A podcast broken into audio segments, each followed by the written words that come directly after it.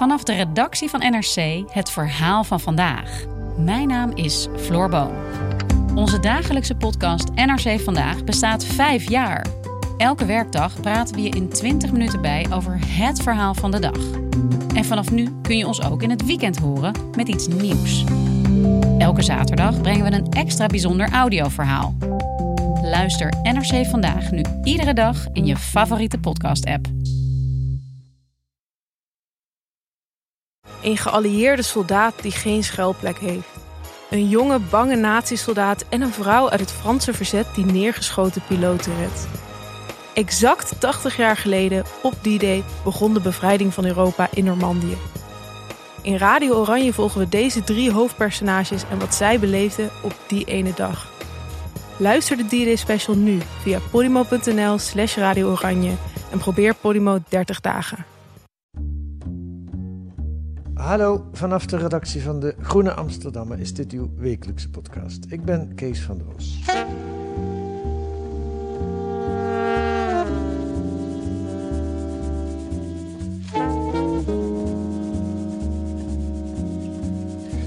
Rob Jetten. In oktober 2018, nog geen vier jaar geleden, volgde die Alexander Pechtold op als fractievoorzitter van D66. En hij was toen pas anderhalf jaar Kamerlid en 31 jaar oud. En nu is hij een van de belangrijkste ministers van het kabinet Rutte 4. Tenminste, dat schrijven Koen van der Ven en Jaap Tielbeke deze week in een uitgebreid profiel van Rob Jetten. Uh, welkom Jaap en Koen. Dankjewel. Dankjewel. Is die echt zo machtig? Um, nou ja, daar spelen we in dit stuk heel erg mee. Want aan de ene kant ja, want hij heeft een hele belangrijke post die ook direct gaat over heel veel andere posten. Je het hebt over klimaat en duurzaamheid en energie. En dan heb je het ook over de bebouwde omgeving, heb je het ook over Schiphol, heb je het ook over landbouw. Dus je, hebt, je bent automatisch een minister die zich met anderen mag bemoeien. Ja, maar en dat is ook nadrukkelijk zo afgesproken. Hij heeft heel veel geld. Maar, en dat nuanceren we ook, hij is daarmee ook heel afhankelijk van al die mensen. Dus Ja. het is maar net hoe je dat invult en hoe je omgaat met die. Hij heeft heel veel, hij heeft ook heel veel eh, informele macht, kan je zeggen. Ja, ja, ja. Jaap? Ja, het mooie is dat ze hadden bedacht... we willen eigenlijk een soort Nederlandse Frans Timmermans. Ja, De Frans- eurocommissaris. de supercommissaris die de Green Deal in Brussel voor elkaar moet boksen. En dat moest er in Nederland ook komen. Dus een minister die andere ministers op Ja. één lijn moest krijgen... Hij tot heeft orde kan roepen. Ja, hij moest het niet alleen, hij heeft het ook voor elkaar gebokst eigenlijk, hè, die Green Deal. Nou, de onderhandelingen gaan nog steeds, eh, die, die, die, die lopen nog steeds. Maar er zit wel degelijk schot in de zaak. Ja. Dus dat was het idee, dat moet in Nederland ook gebeuren. Er moet nu eindelijk een keer werk gemaakt worden van die groene verbouwing. Daarvoor hebben we een politicus nodig die, ja, die, die, die anderen op één lijn kan eh, zetten en de touwtjes in handen kan nemen. Alleen het grote verschil met Europa is dat de Nederlandse politiek gewoon een stuk eh, minder hiërarchisch, een stuk egalitairder is georganiseerd. Ja. Eh, dus je zit in, ook in een coalitie met verschillende partijen, die allemaal ook moeten letten op hun achterban, ehm, die misschien niet zitten te wachten op al te veel groen gedram. Dus het is een hele ingewikkelde eh, evenwichtsoefening Ja. waar Jette voor staat. Ja. Om dat heel concreet te maken, bij de commissie heb je echt een supercommissaris gekregen. Iemand die boven de andere commissaris staat. Dus de commissie ook geregeld met subdelen en daar een hiërarchie in. Ah, ja. In Nederland is in principe elke minister gelijk aan andere ministers. Ja, Eh, Op papier staatsrechtelijk zelfs de premier, de ja, ja. eerste onder gelijke. Ja. Maar dat betekent eigenlijk, denk ik dan, dat hij nou nauwelijks echte macht heeft. Hij, hij, kan, hij heeft een doel en dat doel deelt hij met veel mensen. Maar wel kan dingen Ja, kijk, hij moet, hij moet, eh, dat is ook de kop die we boven het stuk hebben gezet, hij is de minister van groene verleiding. Dus hij moet het van zijn verleidingskunst hebben. Ja, en mensen ja. zeggen, daar is hij heel goed in. Ja. Maar hij heeft natuurlijk wel een heel belangrijk hulpmiddel. Namelijk die pot geld in het klimaatfonds. ja, En daar, weet, daar kan hij ook gewoon natuurlijk handig gebruik van maken. En hij heeft met Rutte afgesproken op het moment dat andere ministers niet leveren... dan mag hij in principe de zaken naar zich toe trekken en ingrijpen... op het moment dat de klimaatdoelen in gevaar gaan komen. Hij zegt zelf, ja, ik hoop dat dit niet zo ver gaat komen... want dan heb je echt best wel een crisis... en dan raak je ook aan dat staatsrechtelijke punt van... mag dat formeel wel, kan dat formeel ja. wel? Maar wacht even, dat is echt een afspraak die vast Ja, ligt? dat is met- vlak voor de bordesfoto. hè. De bordesfoto is op, op een maandag gemaakt. De zaterdag daarvoor komt, komen alle bewindspersonen van het kabinet bij elkaar. Ja, En hebben ze een beraad waarin ze eigenlijk vastleggen en afspreken wat worden de het werkafspraken. constituerend beraad. Precies, Ja, dat is dat beraad. ja, en in dat ja. beraad is ook afgesproken dat er een paar mensen niet zomaar minister zijn, maar coördinerend minister. Ja. En hij is er daar één van. En eh, daar is inderdaad die afspraak die Jaap net verteld gemaakt, dat ja. eh, als klimaatdoelen in gevaar komen of het gaat niet naar zijn zin, dan mag hij via Rutte eh, dossiers naar zich toe trekken. Heeft wel een consequentie, want dan moet hij het zelf doen. Dus het is ook, nou ja. Maar Ja. hoe moet ik me dat voorstellen? Eh, Het gaat niet goed met het klimaat. en Schiphol levert eh, geen moer in. Dan zegt Jette op een gegeven moment over een jaar of twee... jongens, het is mooi geweest. Wie ook weer de minister? eh, eh, die oud-staatssecretaris? Mark Nee, Harbers. Mark Harbers. Ja. Ja. Je, je, ba- je bakt er niks van, dat gaat niet goed zo. Ik ga Schiphol van jou overnemen. Kijk, hoe dat eruit gaat zien, dat weet volgens mij niemand. En dat weet Jette zelf ook niet. Hij zegt eigenlijk van, die dreiging moet voldoende zijn. Ik ga er niet van uit dat ik in hoef te grijpen. En ik denk ook wel dat je kan zien dat de ministers waar die veel nauw mee samenwerkt... bijvoorbeeld ook Hugo de Jonge, Christian van der Wal... ehm, dat er wel degelijk ook een soort breed gedeeld besef is binnen het kabinet... van we kunnen deze moeilijke zaken niet langer voor ons uitschuiven. Maar tegelijkertijd verkondigt hij, Jette, ook een heel optimistisch verhaal. Hè? Van deze groene transitie biedt ook kansen en we gaan Nederland er mooier en beter op maken. Alleen je ontkomt niet, nou ja, dat blijkt nu wel in het stikstofdossier, Ja. aan de pijnlijke keuzes en Ja. bepaalde knelpunten. Dus het wordt ook gewoon heel spannend om te zien ja, hoe, hoe hij daar de komende jaren mee, mee om zal gaan. Op het moment dat er inderdaad bijvoorbeeld luchtvaart, nog zo'n heikel dossier, Ja. op het moment dat daar ehm, er onvoldoende geleverd wordt. Ja. Goed, gaan we het zo nog eh, uitgebreider over hebben. Nou, nog, nog één vraag voordat ik eh, naar jullie onderzoek ga. Ehm, even gewoon ook allebei eh, aan jullie open gevraagd. Gaat hij het voor elkaar krijgen? Zijn jullie over drie jaar tevreden over meneer Jette? Nou, Drieënhalf jaar. we zijn, kijk, we hebben dit profiel heel vroeg, expres heel vroeg gemaakt. We kunnen nu even vooruitkijken, vooral de risico's en uitdagingen schetsen. Wat denk ik, eh, ik vind het heel moeilijk om die vraag heel hard met ja of nee te beantwoorden. Het enige waar- we wel echt achter zijn gekomen, en dat is iets waar we bewust ook vrij vroeg in het stuk mee openen, is, Jaap vertelde net al hoe het idee ontstond voor zo'n beetje commissarisachtig, Brusselachtig eh, ministerschap. Ja, Toen leefde natuurlijk bij D60 al heel vroeg de informatie, wij moeten dat hebben. ja, Maar toen hebben ze heel lang gedacht, dan zetten we er een wetenschapper op. Dan gaan we gewoon zo iemand, weet je, een Robert Dijkgraaf-achtig type of een Ernst Kuipers. Halen zo iemand die heel evident goed is in het dossier. Maar toen hebben ze heel snel gedacht, nee, we gaan er iemand opzetten eh, die heel erg kan denken in termen van macht. Die weet hoe Den Haag werkt, die dingen voor elkaar kan krijgen. En ik denk dat dat wel een soort draadje in dit profiel is geworden. Het is wel iemand die enorm, hè, we spelen op een gegeven moment de term allemansvriend. Dat kan negatief zijn, kan positief zijn. Het is iemand die heel erg goed mensen voor zich kan winnen. En dan kom je opnieuw op de, waar jij mee begon, dat machtsvraagstuk. ja. In die zin, daar zijn we wel achter gekomen, het is een, iemand die je misschien heel makkelijk zou kunnen onderschatten. Als ik aan mensen vertelde, we gaan schrijven over Rob Jetten, begon ze maar, oh ja, die hele jonge, leuke, vrolijke man. En dan moesten we eigenlijk uitleggen, nee, dat is echt een ongelooflijk gewiekst en ook handige politicus. Die wel dingen voor elkaar kan krijgen. Dus nou ja, dat is wel de spanning. Oké, voor elkaar krijgen, dat moet ik ook eigenlijk preciseren. Over acht jaar moeten we 60% CO2 eh, minder hebben. Dus dat is dus nog niet over drie jaar. Eh, Jaap, gaat dat lukken? Ja, dat is precies de grote vraag. Als je zegt van wanneer is zijn ministerschap eigenlijk geslaagd? Want dat loopt over maximaal drie jaar af. Ehm, maar de doelen die hij moet waarborgen, die zijn voor 2030 en eigenlijk voor 2050. Dus hoe ga je daarmee om? Dat is eigenlijk een spanning die constant in de klimaatpolitiek zit. Dat regeerperiodes eigenlijk veel te kort zijn om die lange termijn doelen te waarborgen. Dus we Ja. hebben nu allerlei andere dingen bedacht. De klimaatwet, hij heeft ook zelf een ehm, team van energie-experts in het leven geroepen... die nu eigenlijk in kaart moet gaan brengen hoe de economie in Nederland... en hoe ons energiesysteem er in 2050 uit moet zien. Met het idee van, zijn taak is om Nederland op die koers te krijgen. Maar ja, in 2050 is hij hoogstwaarschijnlijk geen minister meer. In 2030 is de kans ook heel groot dat er iemand anders op die Ja. post zit. Ja. Ehm, dus dat blijft, gewoon, dat blijft gewoon ontzettend ingewikkeld. Ik denk wel dat, hè, dat hoor je nu ook telkens, van ja, waren we maar eerder begonnen? Hadden we dit maar Ja. eerder gedaan? En eerlijk gezegd, toen ik zijn klimaatplannen onder ogen kreeg, toen dacht ik wel van ja, je spreekt ambitie uit, je spreekt draadkracht uit. Eigenlijk hadden we dit tien jaar geleden Ja. moeten hebben. Maar dat is überhaupt het gekke van, van dit. Niet, niet alleen op klimaatgebied, maar ook op ander gebied. Hetzelfde kabinet is blijven zitten, wat er al jaren zit. Ja. Alleen ze doen er nu een ander beleid. En dus vind ik, dit vind ik echt het, het, het, tragische, maar ook wel het, het, het, het grappige of zo aan deze tijd. Inderdaad, dat je eigenlijk ziet dat Rutte 4 bijna oppositie voert met Rutte Ja, 1. Dus ja. je, en maar echt inderdaad op tal van terreinen. Je Ik- echt op al die dossiers. Ja. En er gebeurt ook iets heel geks, dat je eigenlijk naar een kabinet kijkt. Ik, ik probeer mezelf dat ook vaak voor te houden, want de reflex dat erg het nu natuurlijk en terecht kritisch zijn. Maar ik denk als je gewoon het regeerakkoord pakt, weet je, dan kun je van alles op aanmerken. Maar het is ambitieus, er wordt geld uitgegeven. heel veel grote thema's waar we jarenlang over is gediscussieerd, lijkt gewoon wel een soort consensus over te zijn. Er moet Ja. van alles gebeuren rond klimaat, stikstof. Ja.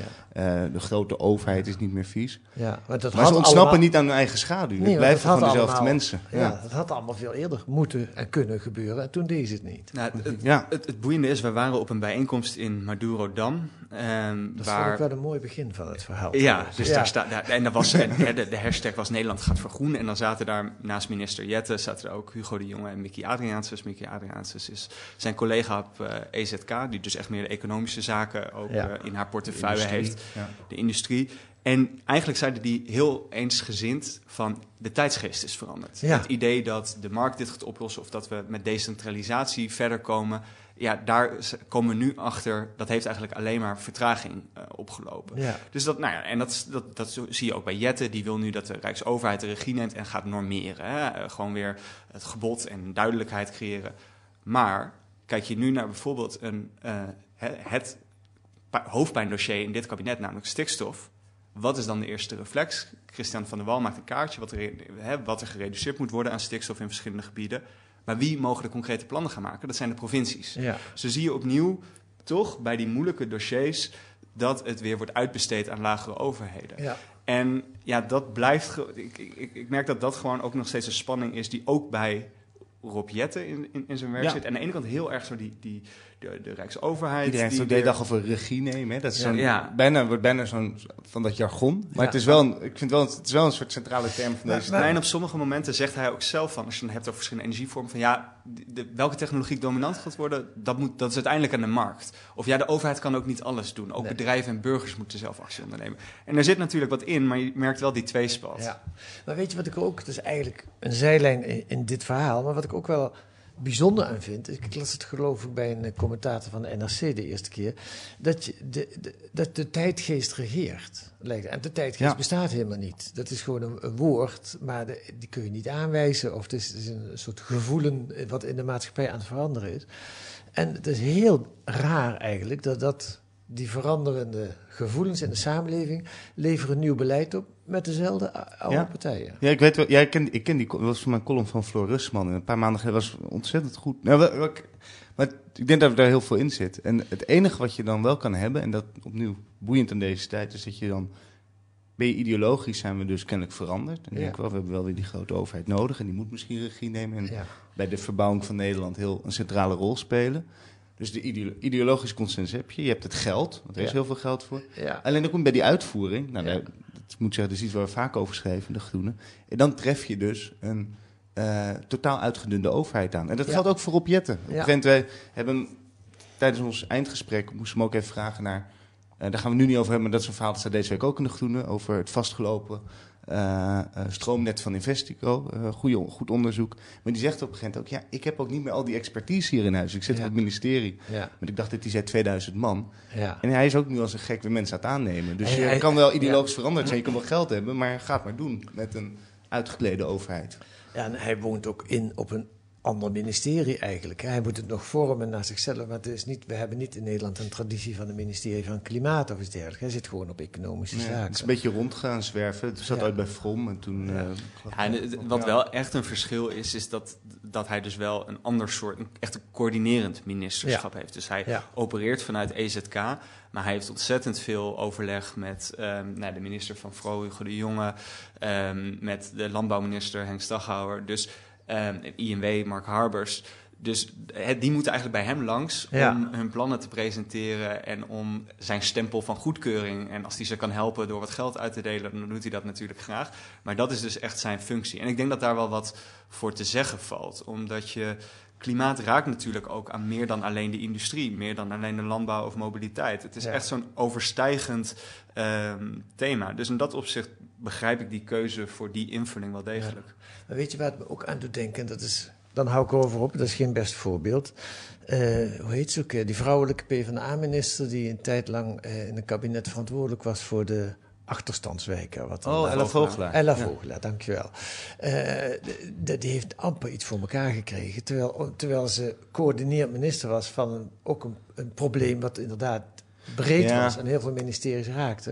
Ja. En ik herinner me dat eh, een van haar voorgangers, Pieter Winsemius, die dat ook een tijdje in zijn portefeuille had, daar ook heel laatdunkend over sprak. Van ja, ze heeft wel een probleem gekregen, maar helemaal niet. ja. De kunst volgens mij is, eh, is, is dat als je niet minister van bent, maar minister voor, Ja. daar hebben we het over, Ja. die ministers die, die een speciaal takenpakket krijgen, ja. dan, dan is het heel belangrijk om wel eh, te garanderen dat je geld hebt Ja, dat en, heeft en zeggingskracht. Ja. En ik moet zeggen, en dat heeft hij natuurlijk, het Ja. geld heeft hij.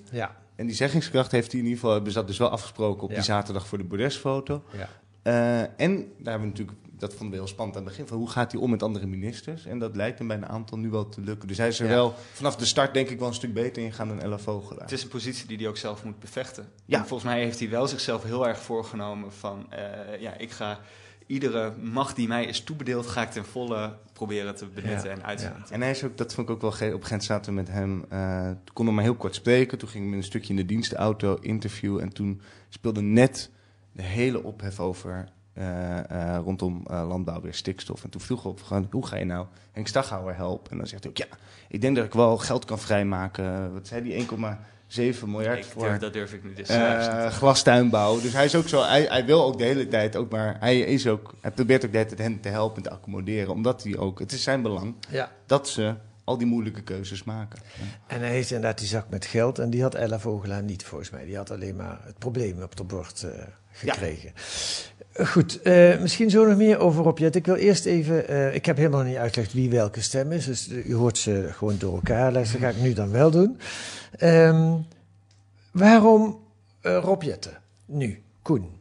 Ehm, nou, omdat in Rob Jetten, eh, kijk, wij maken nooit zomaar een profielbericht doen. We lijken op dat iets groter staat. En in Rob Jetten, ik bedoel, het is een nieuw ministerschap. We hebben een klimaatminister, klimaat en energie. En wat we, denk ik, eh, dus het is een lens om naar een groot vraagstuk van deze tijd te kijken. En tegelijkertijd vonden we, denk ik, hem heel boeiend, omdat het een man is die zichzelf op een gegeven moment heeft het, eh, de geusnaam klimaatrammer omarmd. Nou, dan krijgt hij de macht, hij krijgt een belangrijk eh, ministerspost. Macht gaan invullen en ineens breekt daar een oorlog uit. En dat is denk ik een spanning waar we wel wat mee wilden. Ik vind eigenlijk de tragiek, daar hebben we ook wel veel aandacht voor in dit stuk. Een klimaatdrammer die nou, een paar weken geleden ook de kolencentrales moest openen. Nou, dat is per definitie interessant voor een Ja. profiel. Van Ja. hoe gaat hij daarmee om? En hoe gaat Nederland daarmee om? Want hij moet moeilijke keuzes maken. Eh Ja. nou, opnieuw, nou, komen we zo op. Ja. Maar gewoon dat Ja. hij klimaat en energie moet verenigen in één portefeuille. Eh, Er zit heel veel spanning in het ministerschap zelf, in de man zelf. Ja, Dus in die reden heel boeiend. ja nou, duidelijk. En waarom Jaap met z'n tweeën? Nou, omdat wij denk ik zeker voor zo'n profiel elkaar heel goed aanvullen. Koen is onze Haagse redacteur, dus die houdt het politieke spel daar heel goed in de gaten. Ja. Die weet ja, eh, hoe de hazen lopen, en wat de grote dossiers zijn. Die komt natuurlijk ook gewoon, eh, ja, weet je, die gaat in de wandelgang en dan schiet hij weer even een woordvoerder aan van D66 en dan haalt hij weer een lekker quoteje op en zo. Ja. Dus ook iemand die weet hoe je regelt en ritselt in Den Haag. En, eh, en, en- en- Zonder geld. Zonder geld, hij Ja. heeft geen geld. Hij is, hij is, Rob is een, is een verleider, maar Koen, Koen kan er ook wat van.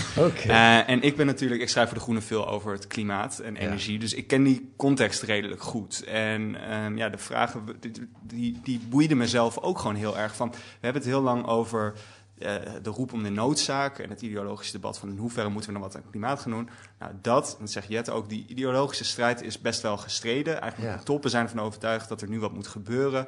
Eh, vandaar dat hij dat shirt met klimaatdrammer kan opbergen. En nu komt het erop aan dat uitvoeren. Nou, dat is natuurlijk, vind ik zelf ook razend interessant om Ja. dat dan te volgen. Ja, ja nou, eh, eh, dat blijkt ook, vind ik, als je het artikel leest. Ehm, iets anders, ehm, het is elke week in De Groene een profiel. eh, of bijna elke week. Nu af en toe, ja. Ja, dat is ja. ook, maar soms ze ook literair dan weer Ja, politiek. ja. Ja. Is het veel werk, zo'n profiel schrijven? ja. Nee, zeker. Ja. Dus dat is ook nog een mooie bijkomstigheid dat je het met z'n tweeën doet. Maar waarom is het Ehm, veel werk? Omdat we hebben gekozen. Kijk, wij willen niet zomaar een profiel in de zin van dat we een interview met iemand doen en dan eh, tekenen we nog wat anekdotes op en dan ben je er. We hebben er echt voor gekozen, ook vanaf het begin af aan aangegeven, we willen profiel schrijven, maar dan willen we je, eh, de minister wel echt een tijd volgen ook. Dus Ja. we, we hebben hier nou zeker ruim een anderhalve maand of zo ehm, toch zeker aan gewerkt. Waarbij Vanaf het ook begin ben je open ook naar hem geweest. We Ja, gaan we hebben het echt Ja, aangekondigd. dus- Ja. En, en, en dus we hebben een soort begingesprek gehad met hem ook. En toen um, in overleg met zijn woordvoerder een aantal momenten momenten besproken waarop we mee konden op werkbezoek of bij bijeenkomsten waar hij zou spreken. Hij wilde wel dat jullie een profiel over hem schreven. Ja, daar stond hij wel open voor. En we hebben nog een uitvoerig eindgesprek Ja. gehad. En daaromheen ben je natuurlijk heel erg bezig met andere mensen spreken, maar ook je gewoon in bepaalde thema's te verdiepen. Dus daar gaat al met al toch echt wel Ja, veel en wat het tijdsintensief maakt, vind ik ook altijd bij een profiel schrijven, is dat je wil eigenlijk, om een goed beeld van iemand te krijgen, werk heel erg graag praten met mensen die heel dicht bij iemand staan. Maar mensen die vaak heel dicht bij iemand staan, zijn vaak ook heel enthousiast over iemand. Dus je zit ook gewoon heel lang Ja. hetzelfde soort gesprekken te voeren. Je wil eigenlijk dingen te weten komen die we gewoon nu nog niet weten. Ja. Eh, anders verval je namelijk alle dingen die we als publiek al hebben gezien. Ja, je Dus je moet gewoon heel veel mensen spreken. En ook op heel veel verschillende manieren. Dus inderdaad, inclusief collega's, vrienden, mensen aan de formatietafel, mensen in Den Haag. Ook wel politieke tegenstanders praat je natuurlijk ook mee. Dat maakt het veel werk. Ja. Ook. Ja, ja je, je maakt het jezelf niet gemakkelijk. Je zou ook een, een makkelijk profiel kunnen schrijven op basis van eerder gegeven interviews en stukken. En dan kun je ook een, een stuk over objecten schrijven. Maar dit is echt een nieuw onderzoek naar de persoon en de spanning rondom. Ja, en, en dus hè, wat jij eigenlijk al zei, van het gaat nooit, een groene profiel gaat nooit om de persoon aan de zich. Die moet symbool staan, moet de belichaming zijn van een belangrijker, groter thema van deze tijd. En dus eh, dat is de uitdaging volgens mij, dat je het en ook een, een lekker leesverhaal maakt, waarbij je Ja. ook iemand beter leert kennen, maar ook gewoon een, een, een beter begrip krijgt van ja, de uitdagingen waarvoor iemand staat. Eh, dus ik hoop dat we daarin geslaagd zijn. Goed, een gesprek over een profiel van Rob Jetten kan niet zonder Rob Jetten zelf te horen.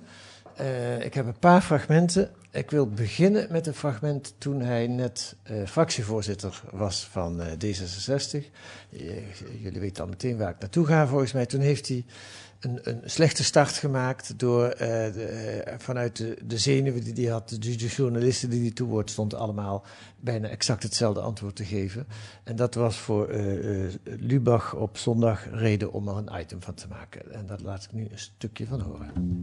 Wij gaan dinsdag met de fractie over praten. En wij gaan dinsdag met de fractie praten. Wij gaan zo beginnen met onze fractievergadering. Wij gaan eh, met de fractie een goed gesprek hebben zometeen. Uh, we hebben met de fractie een goed gesprek gehad. We hebben als fractie een heel goed gesprek met elkaar gehad. Uh, wij hebben als fractie de afgelopen dagen uh, goed met elkaar gesproken. Even de koppen bij elkaar gestoken. Ook gisteren uh, met, als fractie met elkaar gesproken. Maar, maar, echt, wij hebben gewoon de afgelopen dagen als fractie de koppen goed bij elkaar gestoken. Ja, het is toch een beetje een herhaling van Jette. Ja, dit was uh, het begin. Jullie kennen dit fragment. Ja, dit was gewoon beginners uh, uh, zenuwen, of niet? Ja, het gekke eraan is denk ik dat hij super goed voorbereid was. Dus hij was ontzettend ook, had veel mediatraining gehad. Uh, had een heel duidelijk beeld van hoe hij de media te woord wilde staan. En ik sprak hier met Alexander Pechtold over en die was echt een beetje boos over. Die zei, de journalistiek heeft gewoon hem een, een, een, kunstje geflikt. Het was uh, zo'n interview met Frits Wester, waar dit ook deels op is gebaseerd. En dat ging dan uh, uh, viraal en dat leverde hem dan die befaamde bijnaam Robot Jette op. Ja. en hij zei, het is gewoon kuddegedrag van de journalistiek dat dat ook maar telkens rond bleef zingen. Maar ik denk wel degelijk wat je daar ziet, is iemand die nog wat onwennig is. Dus iemand die wel heel erg in, gedrild is in het politieke ambacht, Mhm. mm-hmm. uh, maar nog te weinig een soort eigen stem of ontspanning heeft gevonden om de, ja, dat op een iets lossere manier te doen. En wat interessant was, we spraken daar ook mee met zijn huidige persvoorlichters. En die zeiden ook, ja, soms... Uh, Als het een beetje moe is. Ja, ja, Dan, dan, dan vervalt hij weer in het oude patroon. En daar proberen we voor te waken. Want als je Ja. hem nu ziet spreken, dat Ja. is iemand met meer zelfvertrouwen, met meer ontspanning. Uh, dus daar, daar heeft hij wel uh, een transformatie. Het is trouwens ook de reden dat we even deze uh, oude koe toch even uit de sloot wilden vissen. Omdat het ons heel erg opviel. Als je hem een tijd volgt, dan zie je gewoon hoe naturel die is. Hoe eigenlijk altijd professioneel. Prins jij dat, ja. Hij staat gewoon nooit uit. Ook Ja. als hij met mensen op een podium zit. Nou, mensen die lang op een podium zitten, zie je wel eens zo afhaken, wegdromen. Naar het plafond staan. Hij is gewoon altijd in de plooi, professioneel. Op het podium ook wel heel erg zoals hij naast het podium is. Dus op een gegeven moment waren we wel benieuwd, wat, hoe kan dat nou Ja. voor iemand die zo'n slechte start maakt? En het enige, en de verklaring die we hadden was misschien een soort perfectionisme, vermoeidheid, ongemak. En dan Ja. gewoon helemaal doorschieten in, Ja. zo ongelo- in die hele professionele houding. En dan komt het robotesk over. Ja. Maar nu, jullie hebben die indruk nu totaal niet gekregen. Nee, wat nog steeds wel blijft, is die professionaliteit. dus eh, we hadden het net ook over de cover van deze week, waar die op staat alsof het een ehm, presidential candidate is Zeker. in de Verenigde Staten. Een beetje van onderaf Hij, gefotografeerd. hij oogt toch een beetje alsof hij uit een soort eh, machine is gerold van Ja. eh, geef mij de stereotype democratische presidentskandidaat eh, voor, de, voor, voor, voor Amerika. Ja, En ehm, ja, wat ik zeg, dus hij zit eigenlijk constant in die rol. En waar dat in het begin ook wel tot een beetje, waardoor, waardoor die belachelijk werd gemaakt, ziet hij nu volgens mij ook wel heel erg als een kracht. Ehm, Ja. Die hem ook in staat stelt. Hè. We schrijven op een gegeven moment ook, hij kan, hij kan net zo makkelijk praten met CEO's in de bestuurskamers van grote multinationals als met klimaatactivisten Ja. of op een, een, een, een, eh, klimaatmars meelopen. Ja.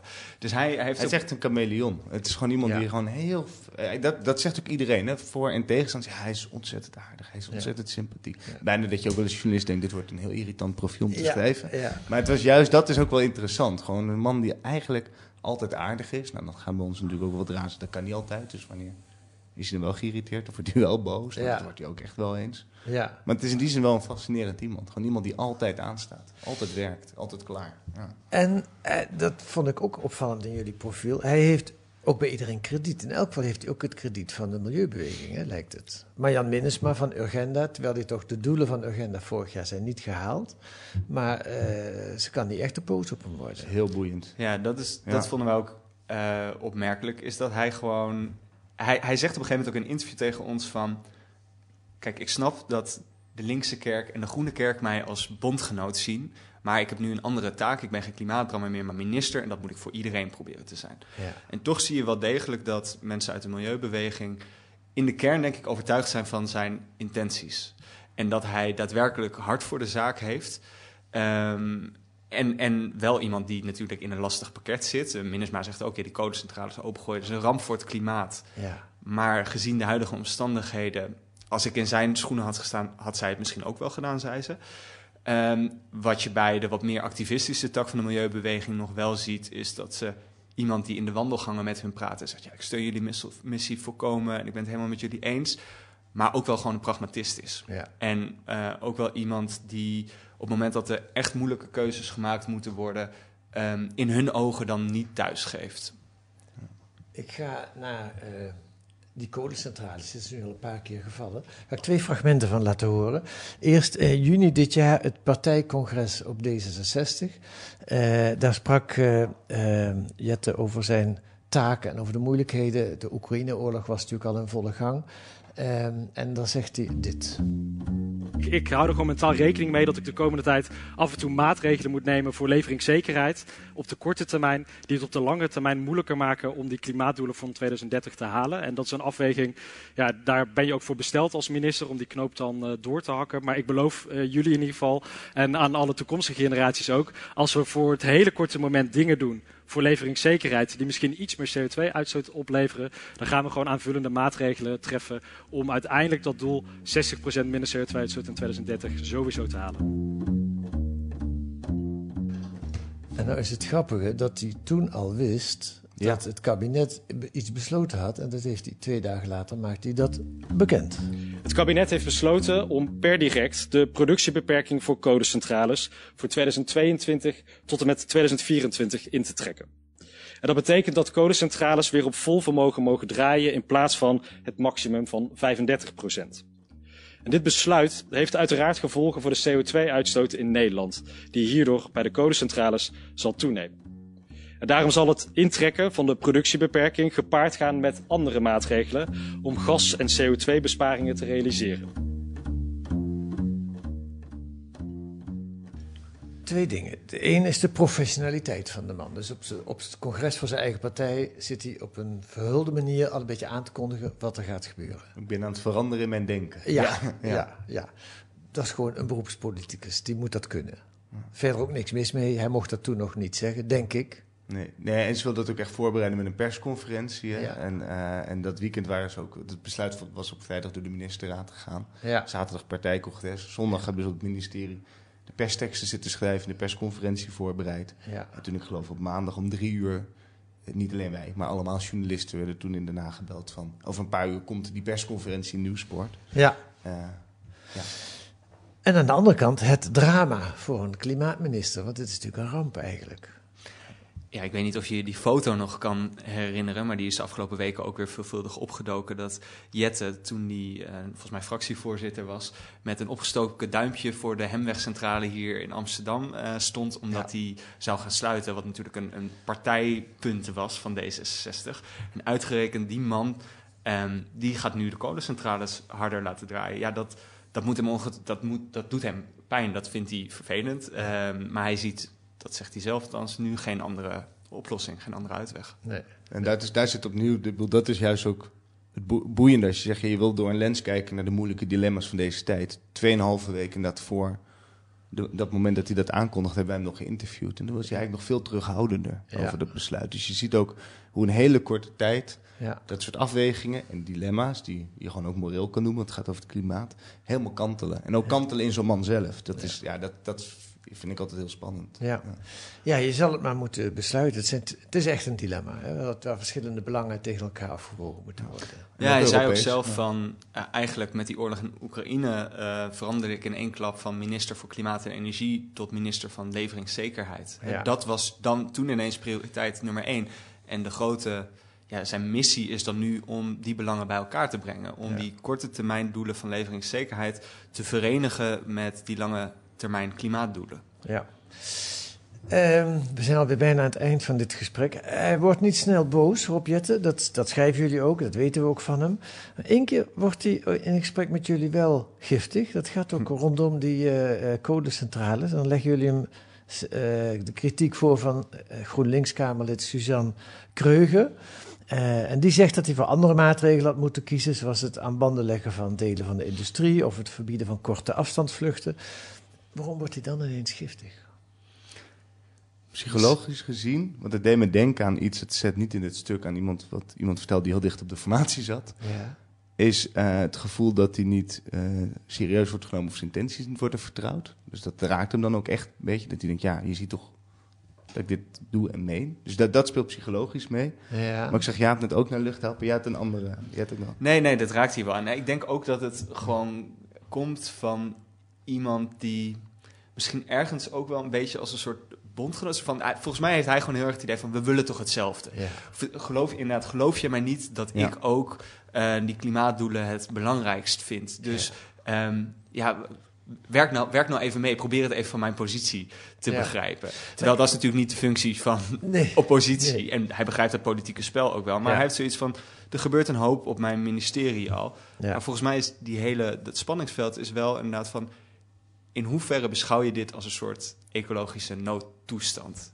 Dus de noodtoestand is nu voor leveringszekerheid. Nou, dan is de logische stap... we gaan die kolencentrales weer harder laten draaien maar beschouw je het als een klimatologische noodtoestand, dan zou je kunnen zeggen: gaan we à la corona gewoon heel veel andere uh, zaken eerst doen. Dus uh, nog veel harder ingrijpen op energiebesparing, uh, energie ransoneren en zo. Maar goed, hij is natuurlijk ook, wij zitten op het ministerie van Economische Zaken en Klimaat. Het heeft economische gevolgen. Hij zit natuurlijk ook in een coalitie. Dus dat zijn ongelooflijk moeilijke afwegingen die je vanuit de oppositiebanken makkelijk iemand voor de voeten kan werpen. Maar de politieke realiteit is uh, voor hem natuurlijk anders. Ja, maar ik vind het ook wel mooi wat je zegt, want het geeft inderdaad ook toch aan dat het wel het is een groot probleem en er moet iets aan gebeuren, maar een echte noodtoestand hebben we nog niet. Terwijl we die misschien al lang hebben.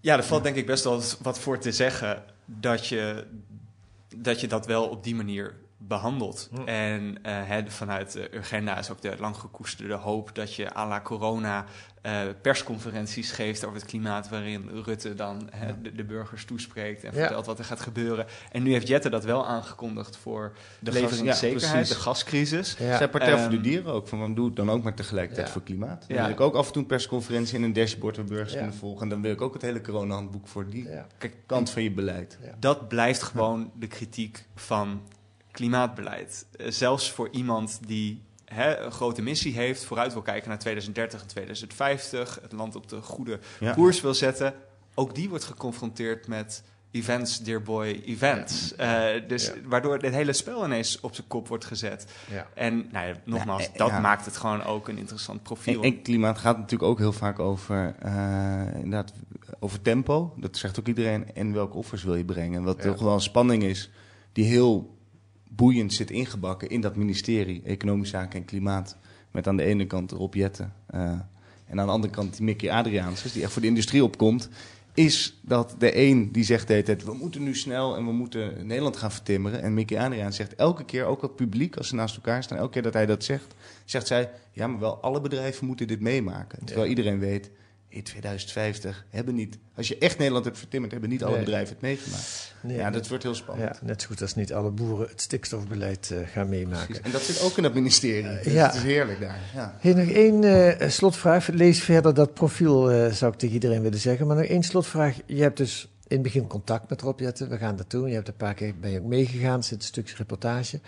Eh, laat je ook het eindstuk aan hem lezen voordat het in de groene staat of niet? Nee, alleen de passages waar hij zelf spreekt. Dus dat we hem zelf echt hebben De geïnterviewd. citaten. Ja, de citaten. En daar doen we wel, sturen we wel context mee. Dat Ja. altijd wel vind, je moet wel weten hoe je citaat landt in een paragraaf. Dus je Ja. mag wel een beetje weten wat staat ervoor en wat Ja. staat erna.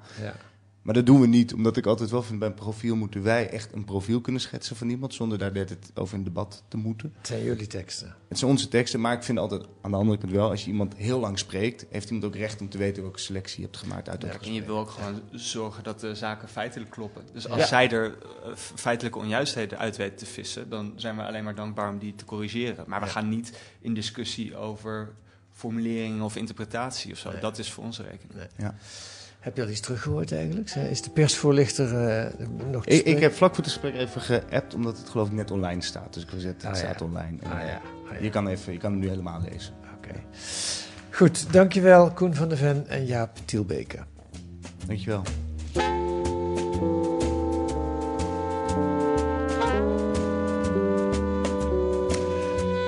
Wat staat er nog meer deze week in De Groene? Een onderzoek naar ons overvolle stroomnet. We hadden het er net al over. De bottleneck voor, eh, voor de vergroening. Vergroenende bedrijven moeten jarenlang wachten op extra elektriciteitsaansluitingen. En de klimaatdoelen lijken daarmee verder uit het zicht dan ooit. Ook weer een probleempje voor Rob Jetten. En Frank Mulder op bezoek bij, de, bij Kok van Herk. Dat is een naam. En dat is een lichenoloog. En eh, dat moest ik ook opzoeken, maar dat is iemand die alles weet over korstbossen. Met zijn metingen houdt hij al vele jaren de stikstofdepositie bij rond de natuurgebieden.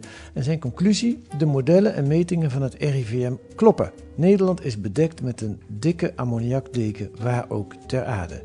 Dus als de boeren nu maar geen trekkers naar de groene gaan sturen. Dat kunt u lezen met een abonnement of een proefabonnement. Ga dan naar groene.nl. Daar kunt u lezen hoe u 10 weken de groene kunt krijgen voor 15 euro. U kunt reageren op deze podcast met een mailtje.